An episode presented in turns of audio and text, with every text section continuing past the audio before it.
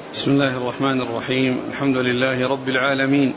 الصلاة والسلام على عبد الله ورسوله نبينا محمد وعلى آله وصحبه أجمعين. أما بعد فيقول الحافظ ابن حجر العسقلاني رحمه الله تعالى في كتابه بلوغ المرام من أدلة الأحكام باب المساقات والإجارة.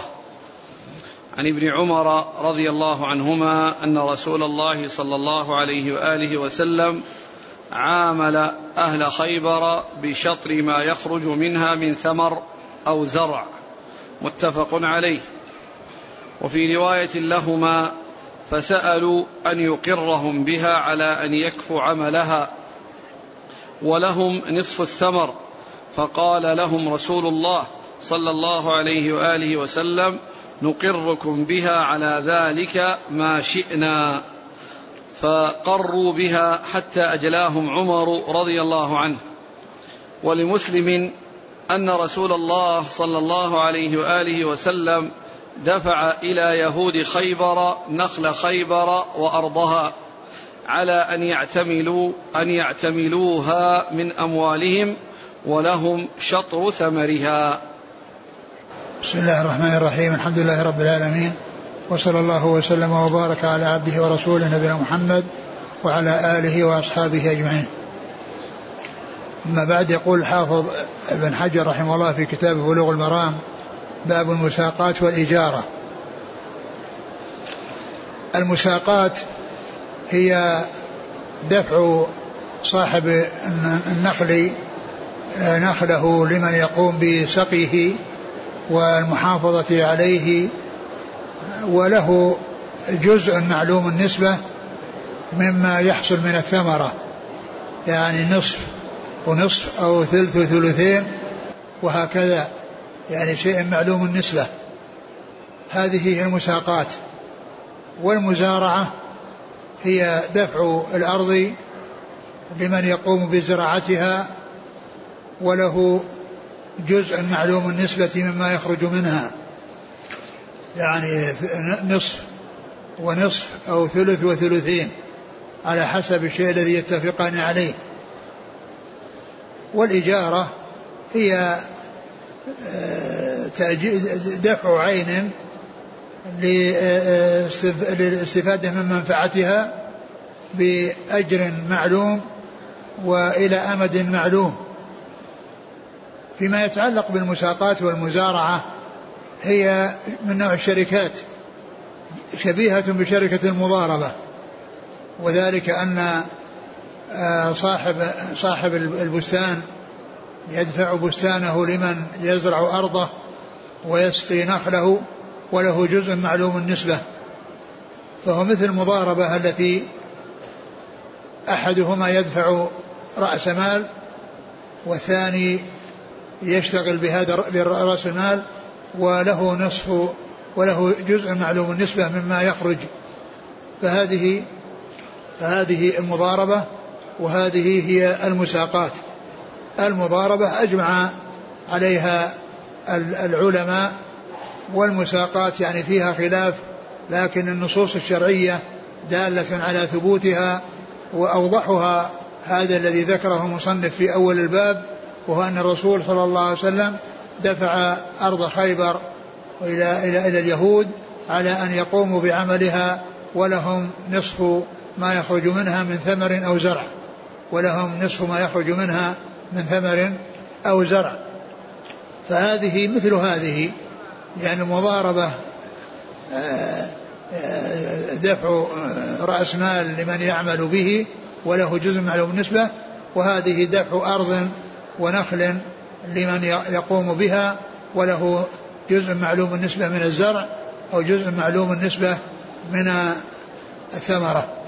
ويشبه ذلك أو من مما هو مثل ذلك لو دفع سيارته إلى إنسان ليعمل عليها بالأجرة ثم يكون الكسب من هذه السيارة بينهما على النسبة التي يتفقان عليها.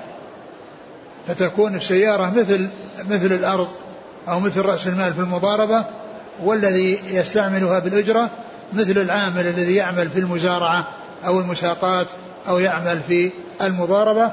كل هذه تعتبر من أنواع الشركات التي فيها استفادة صاحب المال وصاحب العمل من غير أن يحصل ضرر لهما أو لأحد منهما. وهذا الحديث الذي ذكره أورده المصنف هو أوضح الأدلة على ثبوت المزارعة والمساقات وذلك أن الرسول عليه الصلاة والسلام عاملهم هذه المعاملة وبقي الأمر على ما كان عليه في زمن في زمنه صلى الله عليه وسلم ثم في زمن آه، أبي بكر ثم شطر من خلافة عمر حتى أجلاهم عمر. و ولهذا فإن يعني هذا يدل على أنه حكم محكم غير منسوخ لأنه استمر عليه العمل حتى توفي رسول الله عليه الصلاة والسلام وعمل به الخلفاء الراشدون من بعده. وعمل به الخلفاء الراشدون من بعده أبي بكر وعمر رضي الله تعالى عنهما. ف فهذا هو ما يتعلق بالمساقات والمزارعة. وما, وما هذا ما يتعلق بالمساقات والمزارعة وأنها سائغة وأن الإسلام جاء بها. نعم. عامل رسول الله صلى الله عليه وآله وسلم أهل خيبر بشطر ما يخرج منها من ثمر أو زرع. نعم يعني هذا عاملهم أي أنه مكنهم من من استعمال الأرض بشطر أي النصف مما يخرج منها من ثمر أو زرع. الثمر فيما يتعلق بالمساقات والزرع فيما يتعلق بالمزارعة. وفي رواية فسألوا أن يقرهم بها على أن يكفوا عملها ولهم نصف الثمر. فقال عليه الصلاة والسلام نقركم بها على ذلك ما شئنا فقروا بها حتى أجلاهم عمر. ثم ذكر هذه الرواية التي أنهم هم يعني لكونهم أهل خبرة يعني في الزراعة والمساقات وأنهم يعني يقومون بهذا العمل في أرضهم. وبعد أن غنمها المسلمون وكانت يعني للمسلمين يعني آه، هم طلبوا أن يبقوا فيها على أن يعملوا ويحصلوا نصف الثمرة ونصف الزرع.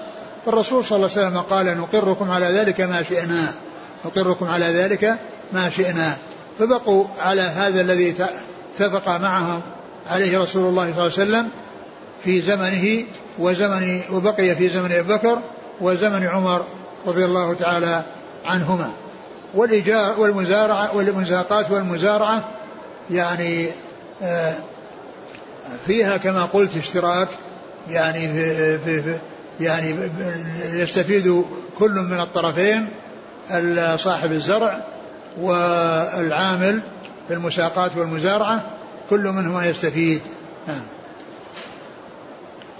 ولمسلم أن رسول الله صلى الله عليه وسلم دفع إلى يهود خيبر نخل خيبر وأرضها على أن يعتملوها من أموالهم ولهم شطر ثمرها. ثم ذكر هذه الرواية عن مسلم وفيها ذكر النخل والأرض. يعني النخل المساقات والأرض مزارعة. النخل المساقات والأرض مزارعة. نعم.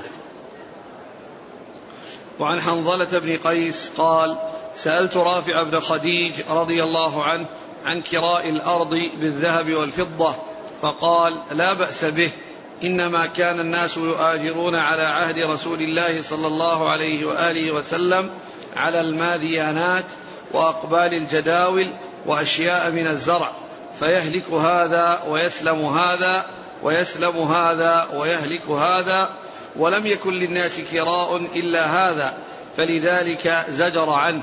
فأما شيء معلوم مضمون فلا بأس به رواه مسلم. وفيه بيان لما أجمل في المتفق عليه من إطلاق النهي عن كراء الأرض. ثم ذكر هذا الحديث عن رافع بن خديج رضي الله تعالى عنه وأنه سئل عن كراء الأرض فقال إن كراءها يعني بالذهب والفضة إن ذلك لا بأس به يعني بيكون الإنسان يستأجرها ويعني يدفع الأجرة ويقوم بالزرع والحرث ويكون له يستقل به لأن هذا أخذ أجرته وهي أجرة متفق عليها لكونه يقوم باستعمال الأرض والاستفادة منها وريعها كله يكون له يكون ريعها يكون يعني لهذا اللي هو العامل ويدفع الأجرة التي اتفق معها من الذهب والفضة. فهذا يدل على أن تأجيرها سائغ وأنه لا بأس به وكذلك أيضا الشركة فيها في أن يكون آه، مساقاة أو مزارعة ولكل واحد منهما الشيء الذي يتفقان يتفقان عليه. فإذا يجوز تجوز المساقات والمزارعة بجزء معلوم النسبة ما يخرج من الأرض ومن الثمر ويجوز تأجيرها بالدراهم والدنانير بحيث المستأجر يدفع مقدارا من الدراهم أو الدنانير لصاحب المزرعة ويكون ثم يشتغل فيها أي هذا المستأجر وما يحصل هو له يختص به لأن هذه مؤاجرة دفع الأجرة واستخدم الأرض.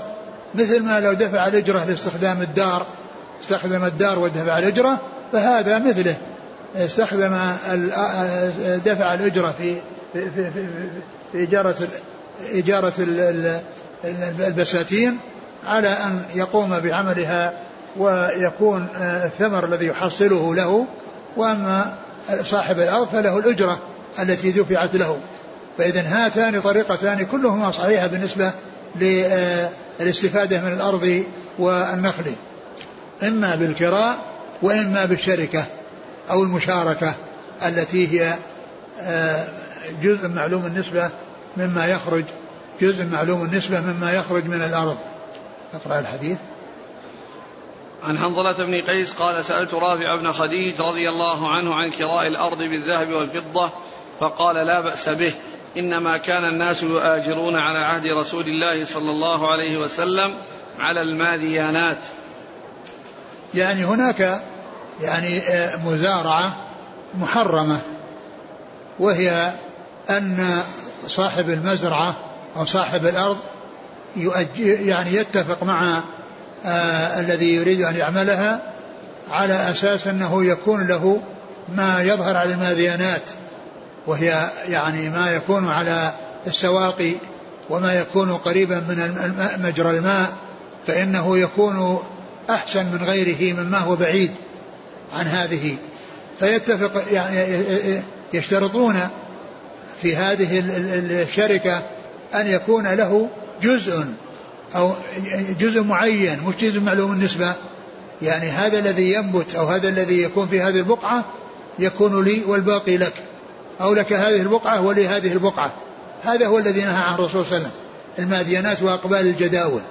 يعني التي فيها كون بعض الأرض يسعد بالماء وتكون يعني فائدة فيه فائدة الماء فيه محققة وكثيرة لأنه يمر به يعني في كل يوم. فيكون أحسن من غيره. فنهوا عن ذلك لأنه قد لا يحصل إلا هذا الذي اشترط لأحدهما فيكون اختص به أحدهما والثاني ليس له شيء. والثاني ليس له شيء. أو أن قال هذه البقعة لي وهذه البقعة لك قد تنبت هذه البقعة وهذه لا تنبت لا يختص بها.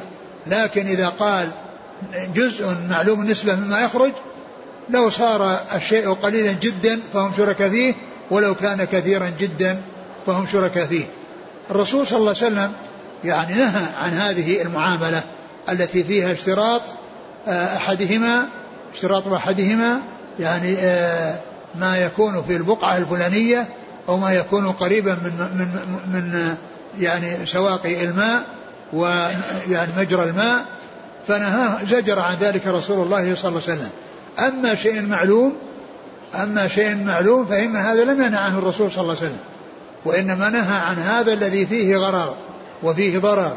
أما إذا كان شيء معلوم النسبة فلا بأس به أو كان بإجرة معينة يستلمها صاحب المزرعة ويستفيد العامل الذي استأجرها من غلتها ومن ثمرتها سواء يعني كان ذلك يعني آه، ثمرة من نخل أو يعني آه، أو أو يعني ما يحصل من من من من بر أو غير ذلك مما يزرع. فهذا فهذا هو الذي منع. وأما إذا كان كل واحد منهما له شيء معلوم نسبة فهذا سائر. أو بالدراهم والدنانير هذا سائر. ولهذا لما ذكر يعني أن أنهم كانوا يؤاجرون يعني على كذا لي كذا وأنت لك كذا فزجر عن ذلك رسول الله صلى الله عليه وسلم. أما شيء معلوم النسبة فهذا هو الذي جاءت به الشريعة. وهذا الحديث وهذا الحديث مفصلة ومبينة لما جاء في بعض الأحاديث من النهي عن عن عن, عن الكراء الأرض. يعني أنها كراءة يكون بشيء مجهول بشيء مجهول بشيء يعني يعني يسعد به أحدهما ويستفيد منه أحدهما. أما إذا كان شيئا معلوما ولا يختص أحد منهما بالفائدة دون الآخر فإن هذا شيء سائغ وجائز. نعم. كان الناس يؤاجرون على عهد رسول الله صلى الله عليه وسلم على الماذيانات وأقبال الجداول وأشياء من الزرع. نعم. يعني لي هذا ولك هذا. نعم. فيهلك هذا ويسلم هذا ويسلم هذا ويهلك هذا. يعني هذا اللي يترتب عليه أنه إذا شرط ناحية معينة يختص بأحدهما يعني قد تنبت هذه والثانية لا تنبت. فإذا استفاد أحدهما وتضرر الآخر. استفاد أحدهما وتضرر الآخر. بل الذي جاءت به الشريعة أن كل منهما يشتركون في الاستفادة ويشتركون في الضرر. إن كان ضرر فهم شركاء. هذا ضاع عليه الاستفادة من أرضه وهذا ضاع عليه عمله. وهذا ضاع عليه عمله. أما إذا كان شيء معلوم النسبة فإن كانت هناك فائدة فهم شركاء وإن كان كمضر هناك مضرة وهم شركاء.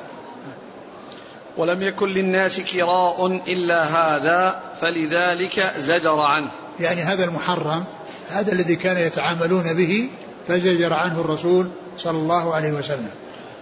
فأما شيء معلوم مضمون فلا بأس به. نعم. أما شيء معلوم مضمون يعني معلوم آه، بأنه مؤاجرة بدراهم ودنانير أو شيء معلوم النسبة أو شيء معلوم النسبة فإن هذا كل واحد يستفيد وكل واحد يتضرر. إن كان هناك فائدة فهي مشتركة وإن كان هناك مضرة فهي مشتركة. وعن ثابت بن الضحاك رضي الله عنه أن رسول الله صلى الله عليه وآله وسلم نهى عن المزارعة وأمر بالمؤاجرة. رواه مسلم أيضا. ثم ذكر هذا الحديث فيه نهى رسول عن المزارعة وأمر بالمؤاجرة. وأمر بالمؤاجرة. يعني فيما يتعلق بالزرع يعني المؤاجرة يعني كونه يصير فيه أشياء معينة تقدم من الدراهم والدنانير لصاحب البستان هذه جاء ما يدل عليها. ونهى عن المزارعة التي هي من قبيل ما تقدم الذي زجر عنه الرسول صلى الله عليه وسلم وهو ما يكون على الجداول الماذيانات أقبال الجداول الماذيانات وما يسعد بالماء فإن هذا نهى عنه الرسول صلى الله عليه وسلم. نهى عن المزارعة التي فيها ضرر والتي فيها يعني آآ آه، آآ آه، حرمان. أحدهما أو استفادة أحدهما. هذه اللي نهى عن الرسول صلى الله عليه وسلم. أما كون شيء معلوم النسبة فهذا هو الذي آه، عامل فيه الرسول صلى الله عليه وسلم أهل خيبر واستمر على ذلك العمل حتى توفاه الله واستمر العمل عليه في عهد عمر أبي بكر وعمر. يعني أنه شيء محكم غير منسوخ لأنه استمر حتى توفي الرسول صلى الله عليه وسلم وعمل به بعد وفاة الرسول صلى الله عليه وسلم.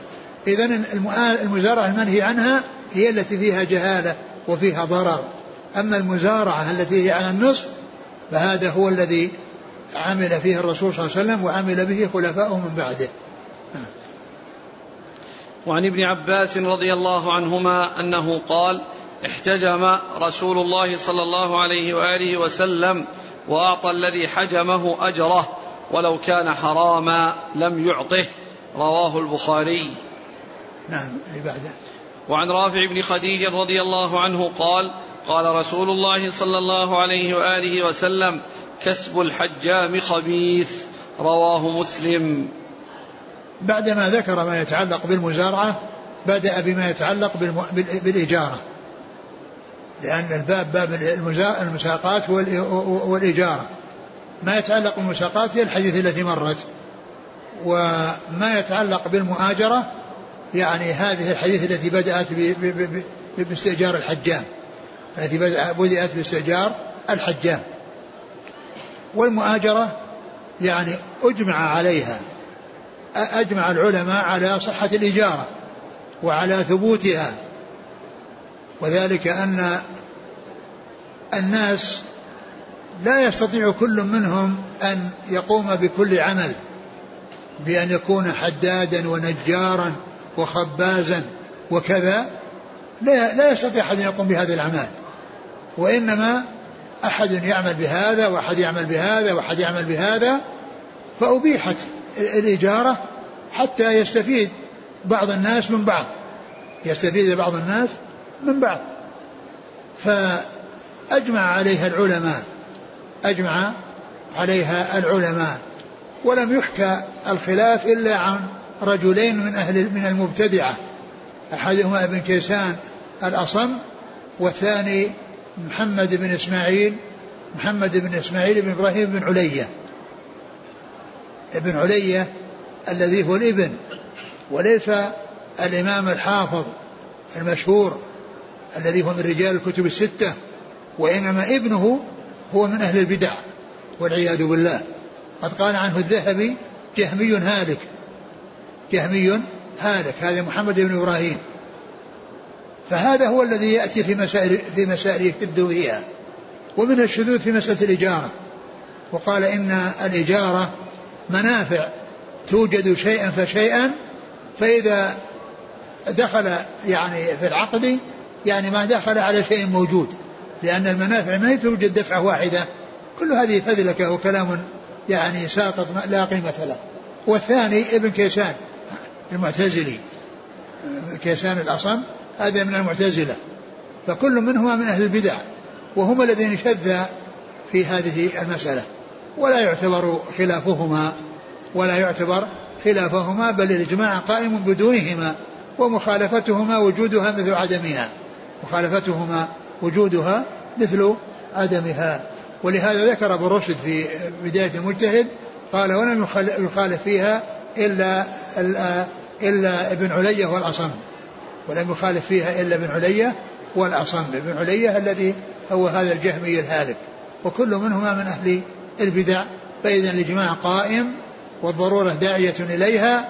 ولا يمكن أحد أن يستغني عن غيره في عمله لأنه لا يمكن أن يكون إنسان محيط بجميع العرب بحيث يستغني عن الناس أو يتبرع الناس له. إما يعني يكون مستغني بكونه عنده قيام بهذا أو الناس يتصدقون عليه ويحسنون إليه. لكن جاءت الإجارة محققة للمصالح العامة كل يستفيد من الآخر هذا يدفع يعني نقودا وهذا يأتي بعمل في مقابل هذه النقود. ذكر ما يتعلق أولا ذكر ما يتعلق بالحجام. والحجام آه يعني يعمل وله أجرة يستحقها بعمله. و و ولهذا الرسول صلى الله عليه وسلم احتجم وأعطى الحجام أجره. ولو كان حراما لم يعطه. احتجم وأعطى الحجام أجره.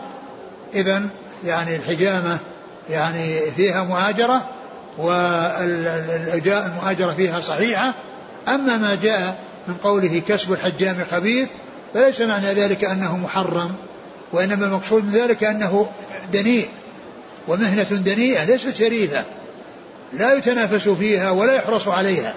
والناس لا بد لهم منها. فإذا قام بها أحد من الناس وعملها عمل فيها فإنه يعطى, يعطى أجر على ذلك. والرسول صلى الله عليه وسلم احتجم وأعطى الحجام أجره. قال الصحابي ولو كان حراما لم يعطه أجرا لو كان حراما.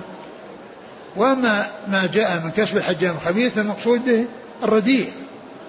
الرديء لأن الرديء يقال له خبيث ولهذا قال الله عز وجل يا أيها الذين آمنوا من طيبات ما كسبتم ومما أخرج لكم من الأرض ولا تيمموا الخبيث منه تنفقون ولستم بآخذيه لا تغمضوا فيه.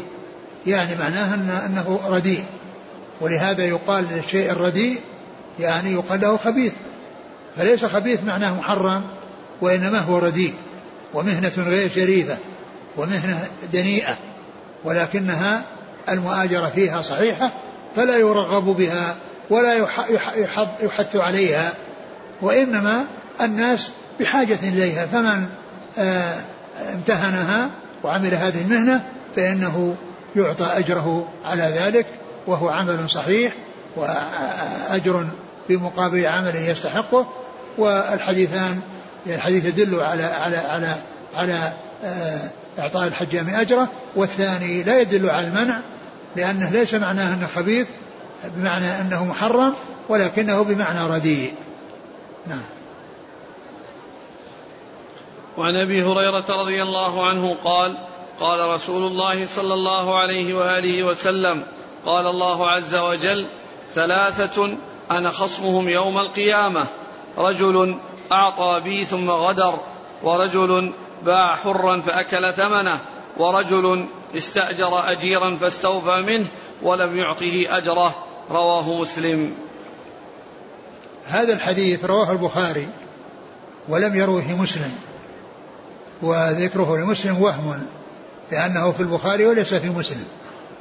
والحديث قال فيه الرسول صلى الله عليه وسلم ثلاثة ثلاثة قال الله تعالى ثلاثة أنا خصمهم يوم القيامة. ثلاثة أنا خصمهم يوم القيامة. ومن كنت خصمه؟ ليس في هذه الرواية. ما في ليس في هذا؟ لا. ثلاثة أنا خصمهم يوم القيامة.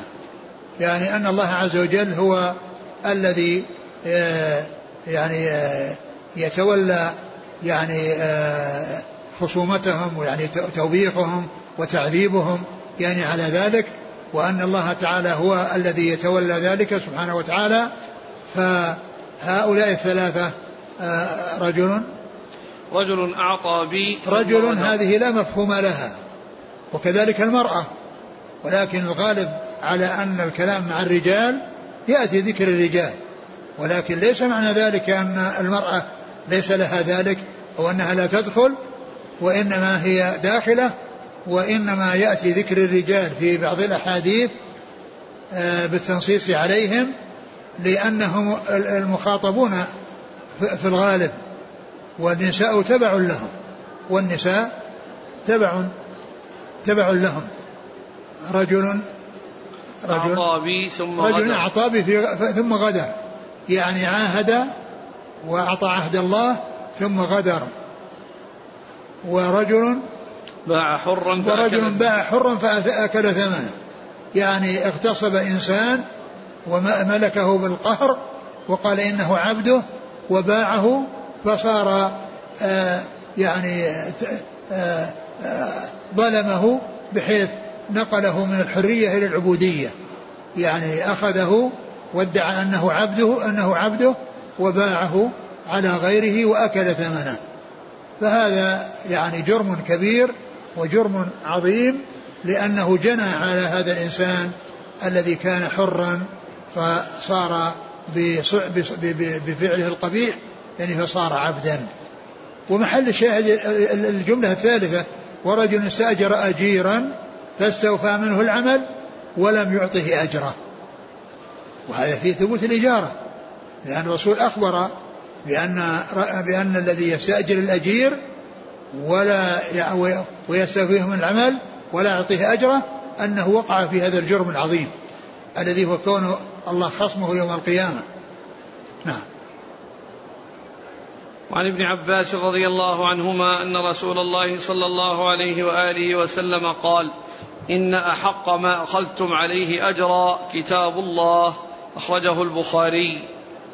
ثم ذكر هذا الحديث عن النبي صلى الله عليه وسلم أنه قال إن أحق ما أخذتم عليه أجرا كتاب الله. إن أحق ما أخذتم عليه أجرا كتاب الله. يعني هذا الحديث جاء في قصة اللديغ الذي آآ آآ آآ الجماعة الذين من الصحابة الذين نزلوا على قوم فلم يضيفوهم وصاروا في ناحية قريبا منهم فلدغ سيدهم يعني سيد القوم الذين لم يضيفوا هؤلاء. فجاءوا إليهم وقالوا إن إن سيدهم لدغ وأنهم يعني يطلبون من يرقيه.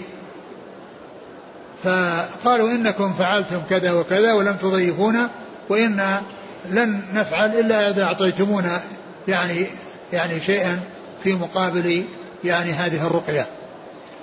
فأعطوهم يعني شيء من الغنم ولما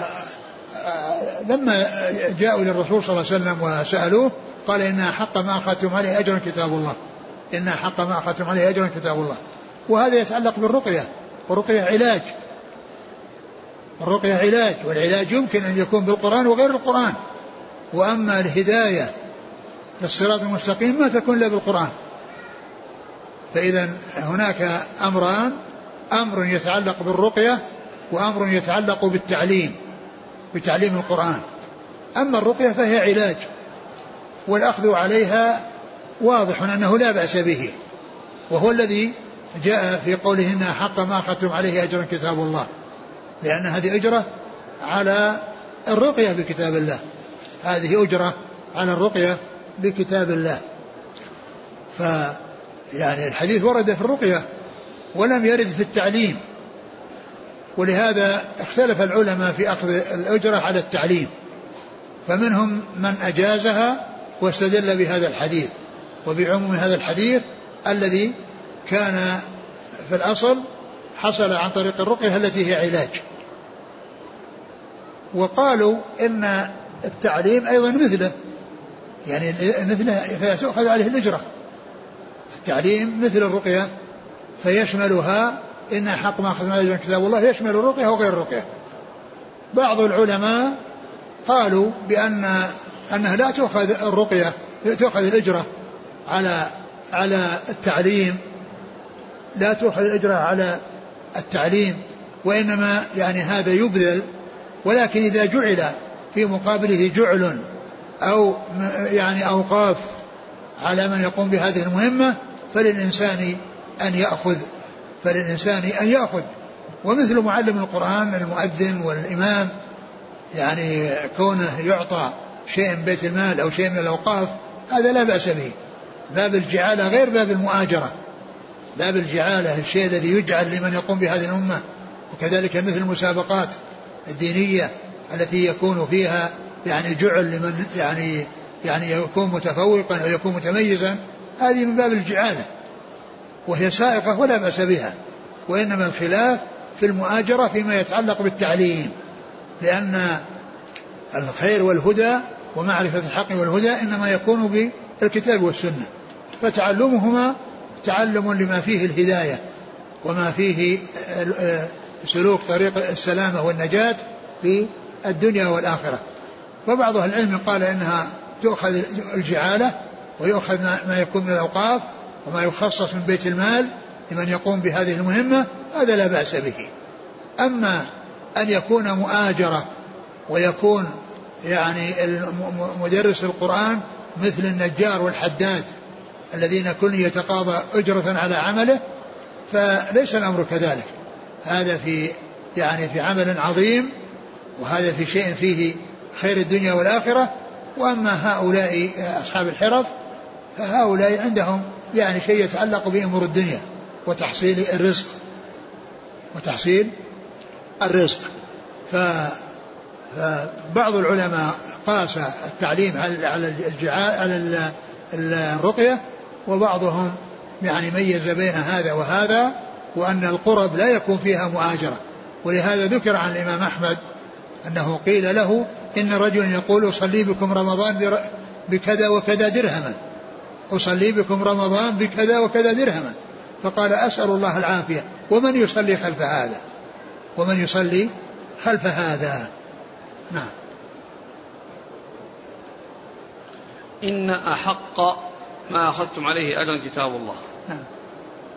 إن أحق يعني بيان أن أن كونكم تأخذون على هذه الرقية التي رقيتم بها هذا اللذيذ فإن هذا من من يعني من أحق ما يؤخذ عليه الأجر.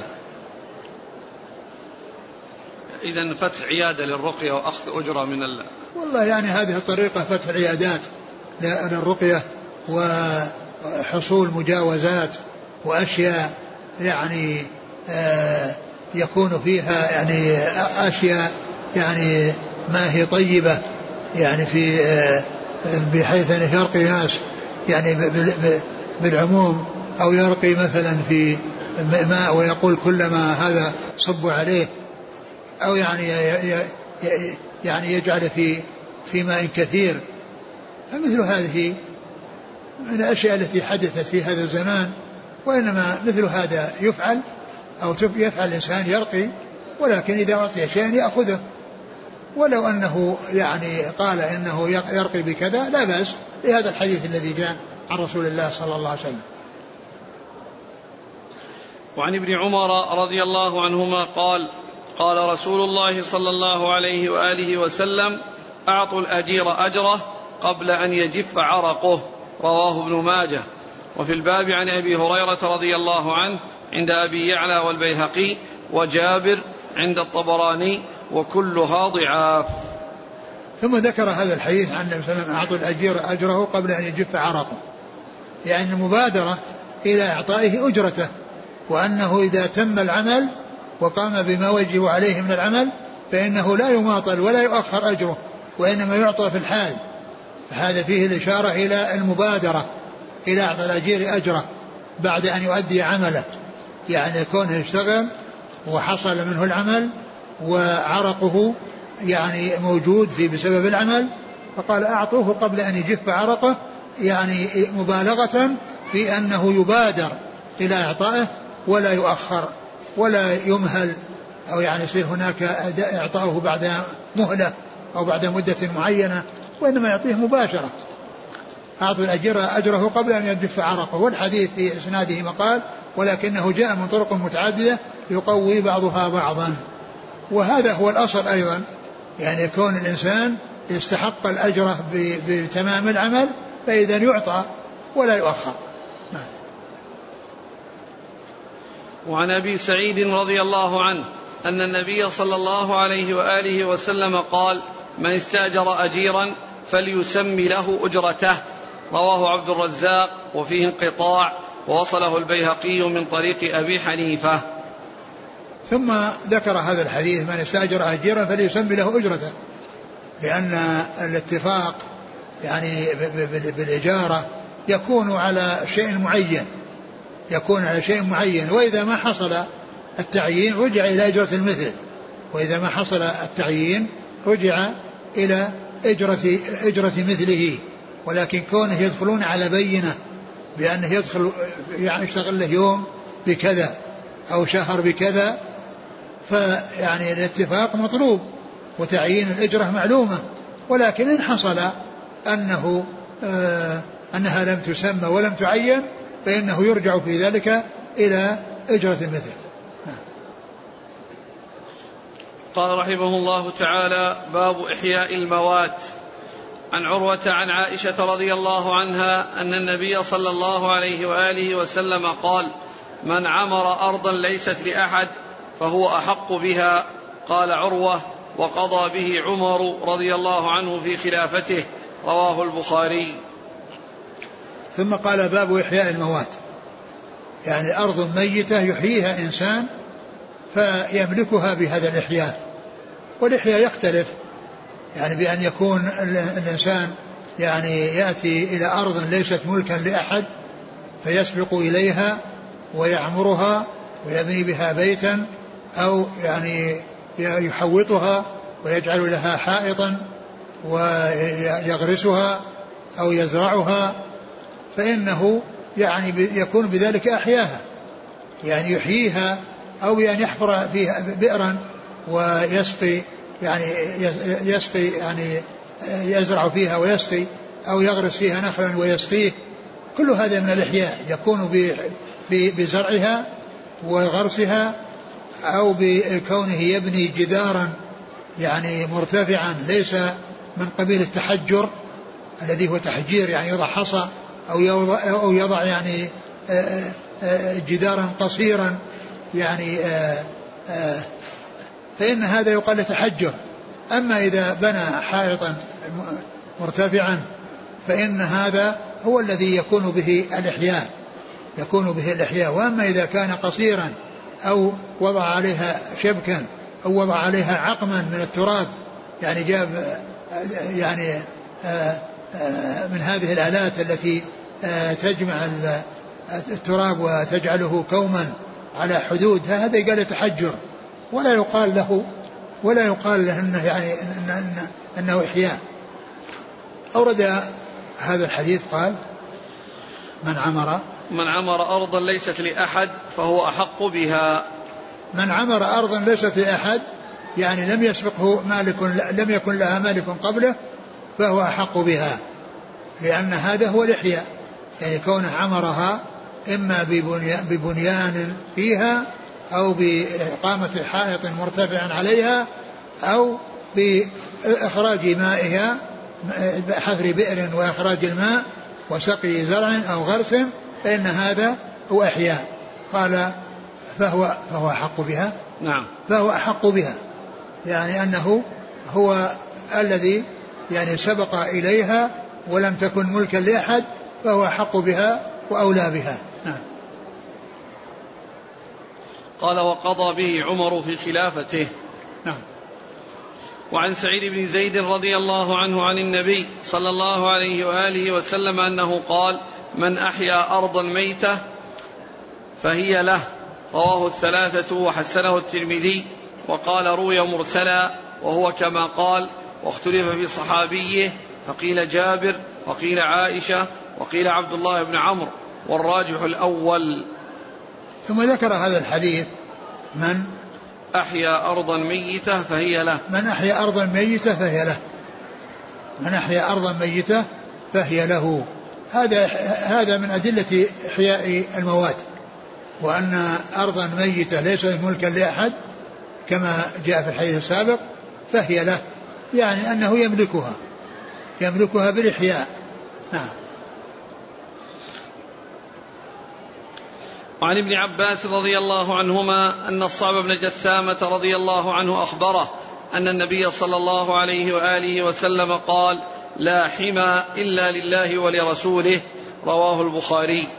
ثم ذكر هذا الحديث الذي فيه حديث صعب بن جثامة الذي رضي الله عنه أن النبي صلى الله عليه وسلم قال لا حمى إلا لله ولرسوله يعني كونه تحمى قطعة من الأرض يعني آه، يكون يعني نباتها يختص به يعني الذي الذي حمى يعني ليس لأحد أن يحمي فلاة ويستقل بزرعه بكلئه وبنباته وإنما هذا يعني كما جاء في هذا الحديث لله ولرسوله.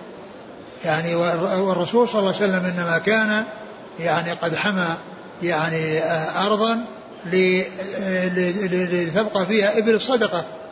يعني معناها في يعني أمور عامة للمسلمين ليست خاصة له صلى الله عليه وسلم وإنما هي للاستفادة منها في في يعني إبل الصدقة التي حمي من أجلها. و وكذلك أيضا من يلي أمر المسلمين وتكون عنده يعني هذه الخيل عنده خيل للجهاد في سبيل الله أو تكون يعني أشياء من الصدقة فله أن يحمي يعني شيئا لهذا الغرض. يعني لا يحمي لنفسه ولكن يحمي كما حمى الرسول عليه الصلاة والسلام.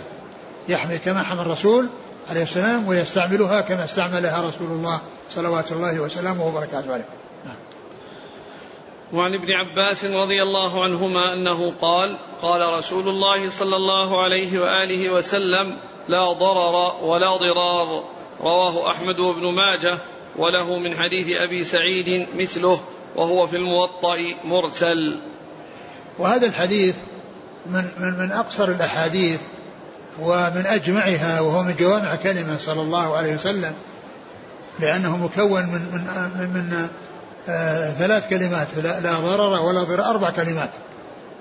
أربع كلمات وهي جامعة وحديث جامع من جوامع كلمة صلى الله عليه وسلم ولهذا أورده النووي في, في الأربعين لأن حديث الأربعين هي من جوامع الكلم. النووي رحمه الله اختار أحاديث في أربعين أحاديث أربعين هي في الحقيقة اثنان وأربعون هي من جوامع كلمة عليه الصلاة والسلام.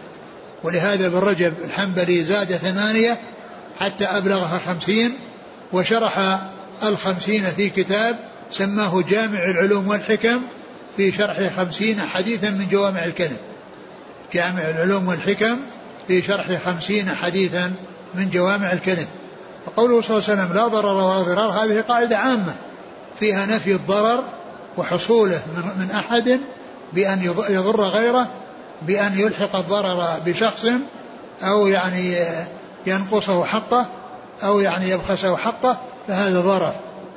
والضرار هو أن يكون يعني آه، يحصل له ضرر فيجازي أو يعاقب عليه ولكن يزيد يزيد على ذلك ويحصل منه الزيادة على الشيء الذي آه، يجوز له أن يأتي به. لأن كما قال الله عز وجل وإن عاقبتم فعاقبوا مثل ما عوقبتم به. فعاقبوا مثل ما عوقبتم به. فإذا زاد على ذلك صار هذا من الضرار.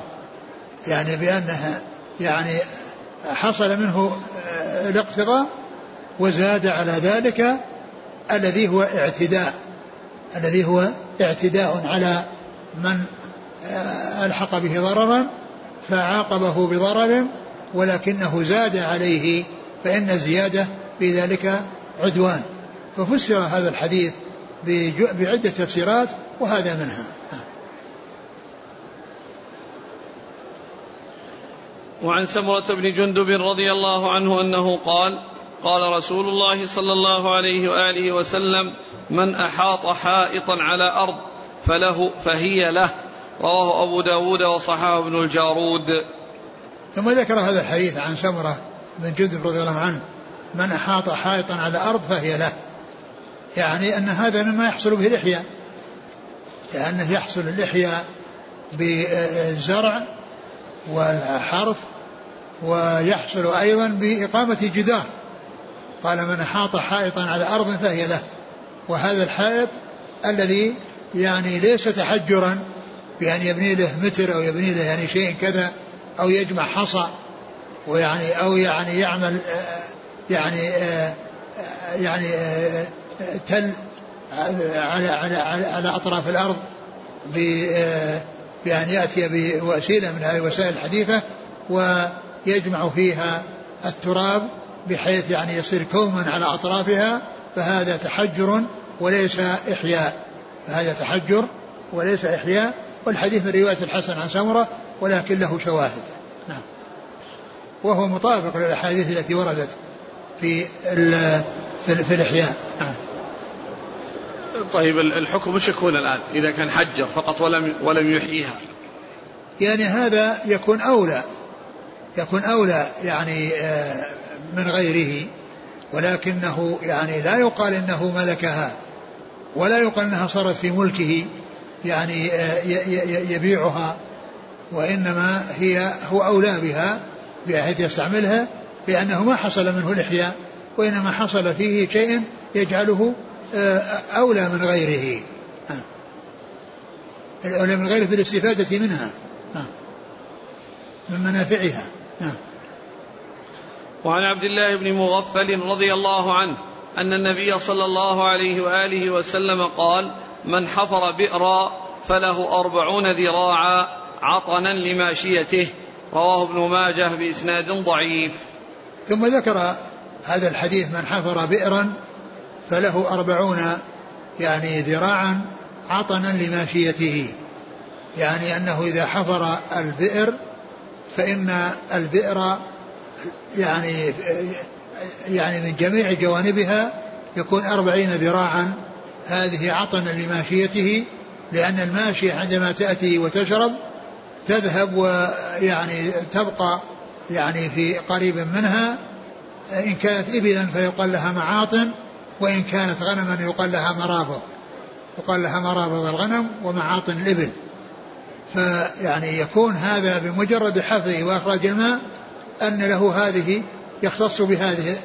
لا ليس لأحد أن يأتي يعني بجواره ويدخل على هذا المقدار ويدخل في هذا المقدار بل هذا المقدار له بمجرد إخراجه أو حفره البئر وإخراجه ماء فإنه يختص بهذه بهذا المكان الذي هو مقدار أربعين يعني ذراعا للاستفادة منها عطنا لإبله أو مرابض لغنمه.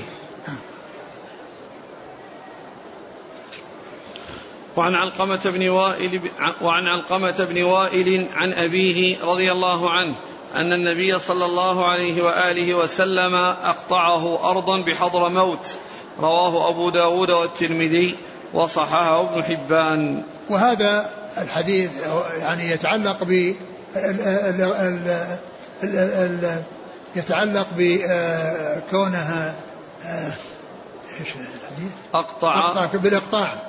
يعني هذا يتعلق بالإقطاع وهو أن يعني ولي الأمر يعني يعطي يعني قطعة أو يقطع قطعة ويعطيها لأحد من الناس. فعرقم وائل بن حجر رضي الله عنه وكان من اليمن فأقطعه أرضا في بلاده. أقطعه أرضا يعني في بلاده. يعني معناه أنه أعطاه إياها وملكه إياها. نعم. وعن ابن عمر رضي الله عنهما أن النبي صلى الله عليه وآله وسلم أقطع الزبير رضي الله عنه حضر فرسه فأجرى الفرس حتى قام ثم رمى بسوطه فقال أعطوه حيث بلغ السوط. رواه أبو داود وفيه ضعف.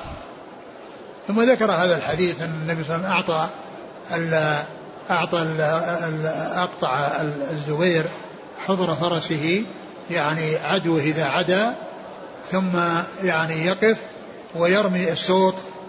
فكل هذه المسافة التي يعني بدأت من العدو وانتهت بوقوف الفرس ثم رمي السوط فإن هذه المسافة تكون يعني يستحقها من أعطيت له وهو الزبير وهذا الحديث يعني فيه ضعف يعني بهذا التفصيل وإلا فإن أصل كون الرسول أعطى أقطع الزبير وأعطاه شيئا لكن ليس بهذا التفصيل وثابت عن رسول الله صلى الله عليه وسلم. وعن رجل من الصحابة رضي الله عنه قال غزوت مع رسول الله صلى الله عليه وآله وسلم فسمعته يقول الناس شركاء في ثلاث في الكلأ والماء والنار. رواه أحمد وأبو داود ورجاله ثقات. ثم ذكر هذا الحديث عن رجل من الصحابة وجهالة الصحابة لا تؤثر. المجهول فيهم في حكم معلوم. لأنهم تشرفوا برؤية الرسول صلى الله عليه وسلم فصار لهم ميزة على غيرهم وهم الذين دخلوا في قوله صلى الله عليه وسلم خير الناس قرني. خير الناس قرني أي القرن الذين بعث فيهم الرسول عليه الصلاة والسلام وهم الصحابة الذين رأوه. وحصلت لهم رؤيته صلى الله عليه وسلم في الحياة الدنيا فهذه ميزة امتازوا بها. فإذا جهل الصحابي وقيل عن رجل من الصحابة فإن فإن الجهال لا تضر. الجهالة تضر في غيرهم. وأما الصحابة فلا يبحث عن يبحث لهم عن تعديل وإنما يكفي أن يقال صحابي أو يشار إلى زيادة منقبة على الصحبة وهي كونه شهد بدرا أو شهد الحديبية فهذا نور على نور وخير على خير. لكن الصحبة وحدها كافية لبيان الفضل وعلو المنزلة لهم رضي الله تعالى عنهم وأرضاهم لأنهم داخلون في قوله صلى الله عليه وسلم خير الناس خير الناس قرني. والحديث هو بلفظ المسلمون. ال ال عن رجل من الصحابة قال قال إيش؟ غزوت مع رسول الله صلى الله عليه وسلم فسمعته يقول الناس شركاء الناس في ثلاث الذي اللفظ الذي ثبت المسلمون. المسلمون شركاء في ثلاث. هذه الثلاث هي الكلأ بحيث أن الانسان أن الكلأ الذي ينبته الله يعني في الأرض يعني لا يباع وهو في الأرض. ولكن إذا حشه وقطعه وحمله وملكه يبيعه. أما أن يبيع يعني آه، عشبا في الأرض حتى ولو كان في ملك له وفي أرض يملكها لا يبيع العشب وهو في الأرض. يعني بحيث آه، يعني آه، يعني يحصل منه يعني بيعه وإنما يعني آه هذا الناس شركاء فيه حتى ولو كان في أرض غيره. يعني إما أن يستفيد منه أولى بالاستفادة وغيره يستفيد. لكن كونه يبيعه ليس له أن يبيعه لأن هذا من الأشياء التي يشترك فيها الناس يشترك فيها المسلمون. شركاء في ثلاث في الكلى والنبات و الكلأ والماء والنار. والكلأ والماء والنار. الماء, الكلأ إذا حشه الإنسان وكان في حوزته فإنه يبيعه. وكذلك الماء أن شركاء فيه ولكن إذا كان في بركته أو كان في سيارته التي تحمل الماء أو يعني كان في يعني وعاء يخصه فإن هذا يملكه وله أن يبيعه وله أن يستفيد منه بالبيع والهبة. وأما يعني إذا إذا كان يعني غير ذلك فبأن كان ماء في فلات أو كان يعني ماء يعني في آه، فاضلا عن حاجته فإن هذا مما يعني يبذل دون أن يؤخذ له دون أن يأخذ له مقابل. إلا إذا حازه وجعله في وعاء يخصه كبركة أو سيارة من السيارات تحمل الماء فإن له أن يبيعه. والنار كذلك يعني الناس يعني شركاء فيها بحيث أن الناس إذا احتاج إليه احتاج بعضهم إلى بعض فإنه يدفع. وليس هذا يعني مما يعني يعني يستكره أو يعني يعاب من يفعله لأن هذه من الأمور السهلة التي يبذلها الناس فيما بينهم. يعني إن كان يعني يحتاج إلى شيء إلى حطب أو يحتاج إلى يعني آه، آه، شيء يعني آآ آه، مقباس يعني يأخذه بحيث يولع فيه النار أو يأخذ يعني من هذه الأعواد من أجل يولع النار. وأما كونها تباع فهذا الأشياء التي تولع بها النار يعني فإنها تباع. ولكن كون الإنسان يحتاج إليها يعطى إلى يعطى إياها. كان الناس في بر ما عندهم خرجوا ما عندهم كبريت ما عندهم الذي يولعون به النار. فيعطيهم من يكون قريبا منهم يعني مما عنده لأن هذا ليس من الأشياء التي يعاب من يطلبها بل الناس شركاء فيها. نعم. ثم قال رحمه الله تعالى باب الوقف. نعم. قال رحمه الله تعالى باب الوقف عن أبي هريرة رضي الله عنه أن رسول الله والله تعالى أعلم وصلى الله وسلم وبارك على عبده ورسوله نبينا محمد وعلى آله وأصحابه أجمعين. جزاكم الله خيرا وبارك الله فيكم والهمكم الله الصواب وفقكم للحق شفاكم الله وعافاكم ونفعنا الله ما سمعنا غفر الله لنا ولكم وللمسلمين أجمعين آمين. يقول السائل هناك من يستلم المزرعة عند التأبير ويدفع لصاحبها ثمن الثمر اعتمادا على السنوات السابقة لأنها غالبا تزيد ويسمون ذلك إيجار. يسمون إيش؟ ويسمون ذلك إيجار. إيجار؟ نعم إجارة إجارة ويخرجون ويخرجون من المزرعة بعد جذاذها ويحتجون برضا الطرفين. هل هذه المعاملة صحيحة؟ إذا كان المقصود أن أنه يعني اتفق مع صاحبها على أنه يعني يسقيها وتكون له ثمرة هذه معلوم أن هذه آه، دفع إجرة في مقابل هذا أما إذا كان أنها يعني يشتري ثمرا معدوم بناء على أنها تثمر في العام الماضي وأن أن الثمر يعني في الغالب أنه يزيد. فهذا الرسول صلى الله عليه وسلم نهى عن بيع يعني بيع الثمر حتى يعني قبل يعني نهى عنه حتى يبدو صلاحه وأنه لا يجوز بيعه قبل بدو صلاحه. فهذا من باب أولى. يعني كونه يبيعه يعني شيء مجهول على أساس أنه جرب أن النخل يثمر وأنه يطلع طلعا طيب فهذا من بيع المعدوم. يقول هل المساقاة خاصة بالنخل أو أنها في النخل وغيره من الشجر تكون في النخل وغيره تكون في في في في النخل وفي غيره من الأشياء الأخرى بالنسبة لشركة المضاربة لو فرط أو تعدى الذي شارك ببدنه فهل يتحمل الخسارة؟ إيش إيش؟ شركة المضاربة إيه؟ إذا فرط أو تعدى المشارك ببدنه ببدنه؟ إيه؟ هل يتحمل الخسارة ما دام هو المتعدي أو المفرط؟ نعم إذا كان حصل منه تفريط فيعني بسبب تفريطه يعني يغرم أما إذا كان يعني ما حصل من تفريط وإنما حصل يعني شيء ضاع بدون بدون ب ب لا قصد له فيه يعني بأن جاء لصوص وأخذوا المال أو جاء يعني يعني شيء آفة حصلت أن تضرر بها المال. فإن الشيء الذي خارج عن إرادته ليس يعني ليس ضامنا له وإنما يضمن ما حصل منه التعدي والتفريط. نعم. يقول شيخنا الفاضل إذا كانت الأرض بين اثنين وقال أحدهما للآخر أنت تزرعها سنة وأنا أزرعها السنة المقبلة. فكان كل واحد يزرع سنة دون الآخر. هل هذه المعاملة صحيحة؟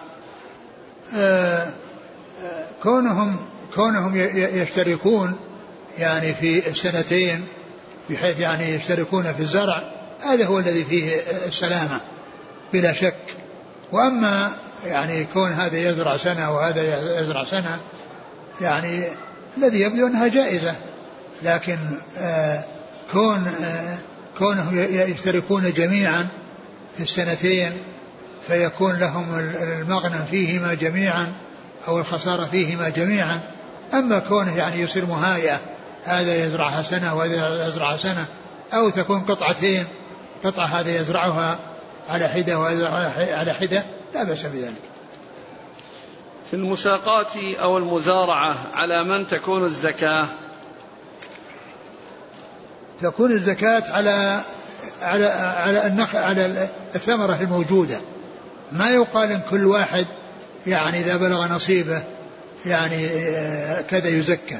وإنما يزكى هذا الشيء الموجود سواء كان لشخص واحد أو لأشخاص.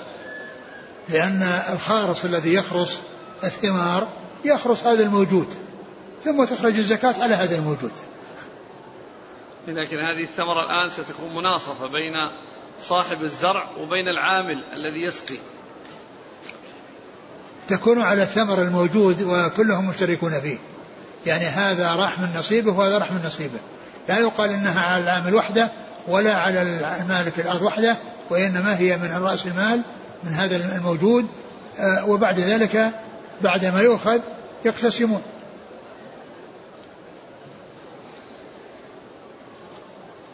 يقول عندنا في بلدتنا يقومون برهن الأرض بمبالغ مالية. والسؤال هل يجوز استغلال هذه الأرض بالنسبة للمرتهن؟ لا ما يجوز استعمالها ولا يجوز استغلالها إلا بكونها تسقط من من من من, من, الدين. يعني تسقط يعني من الدين. يعني كونه رهنها الأرض لا يستعملها. لا يستعملها. وإنما لو إذا رهنه شيء يعني يحتاج إلى نفقة كال كال كالدواب كبهيمة الأنعام. تحتاج إلى هذه كما مر في الحديث السابق يعني الظهر يركب ب يعني بنفقته إذا كان مركوبا ويحلب الدر يعني إذا كان محلوبا ويكون هذا في مقابل استعمالها يعني هذا الحلب أو الركوب في مقابل الاستعمال. يقول وماذا لو حدث استغلال الأرض من قبل المرتهن؟ هل هناك تعويض؟ يعني يكون إذا حصل استغلالها ويعني إن انتهت فإنه يعني يكون يعني بينهما نصفين كالمساقات والمزارعة يقول استأجرت أجيرا ليصلح سيارتي ففكها وفتح محركها ثم ذهب وتركها وطالت المدة ولم يرجع فاستأجرت عاملا آخر وأكمل إصلاحها ودفعت له الثمن كله طالب الأول بالثمن ولم أدفع له شيئا هل يستحق الأجرة؟ آه يعني آه معلوم أنه يعني أن أن أنه يستحق الأجرة إذا إذا كمل العمل. وإذا كان يعني ذهب مدة وغاب عنك فأيضا هو نفسه أضر بك لأنك جلست مدة وأنت لم تستفد من هذه السيارة. أما إذا كان يعني الوقت يسير والوقت يعني هذا فمبادرتك إلى إلى أن تأتي بآخر فهذا يعني ليس بجيد لأن الإنسان قد يحتاج إلى يذهب ساعة أو ساعتين. أما إذا كان مدة طويلة فهو أساء إليك بكون حرمك من استعمال استخدام سيارتك والاستفادة منها هذه المدة وإذا آه، آه، أعطيت يعني ذاك العامل آه، وكان هذا ذاك خارج عن إرادته إذا كان غيابه خارج عن إرادته فإنه له عذر لأن الإنسان يعني يستحق يعني الأجرة أو شيء الذي الذي عمله. بأن كان هذا خارج عن إرادته بأن مثلا حبس أو أو أخذ ولا يستطيع أن يفعل أما إذا كان آه هذه الغيبة بفعله فإنه قد أساء إليك ولا ولا يستحق يعني شيئا على ذلك إذا كان قمت أو قام غيره غيره بهذا العمل. هل يشترط في أخذ الأجرة على الرقية الشفاء؟ لا لا يشترط ولا يشترط لأن هذا الشفاء بيد الله عز وجل. نعم. وهل يشترط إذن الإمام في امتلاك الأرض الميتة في إحيائها؟ إذا كان إذا كان يعني منع وأنه قال لا يتملك إلا بإذنه فيحتاج إلى يحتاج إلى إذنه. وإذا كان ما حصل هذا فلا يحتاج إلى إذن الإمام ما دام أن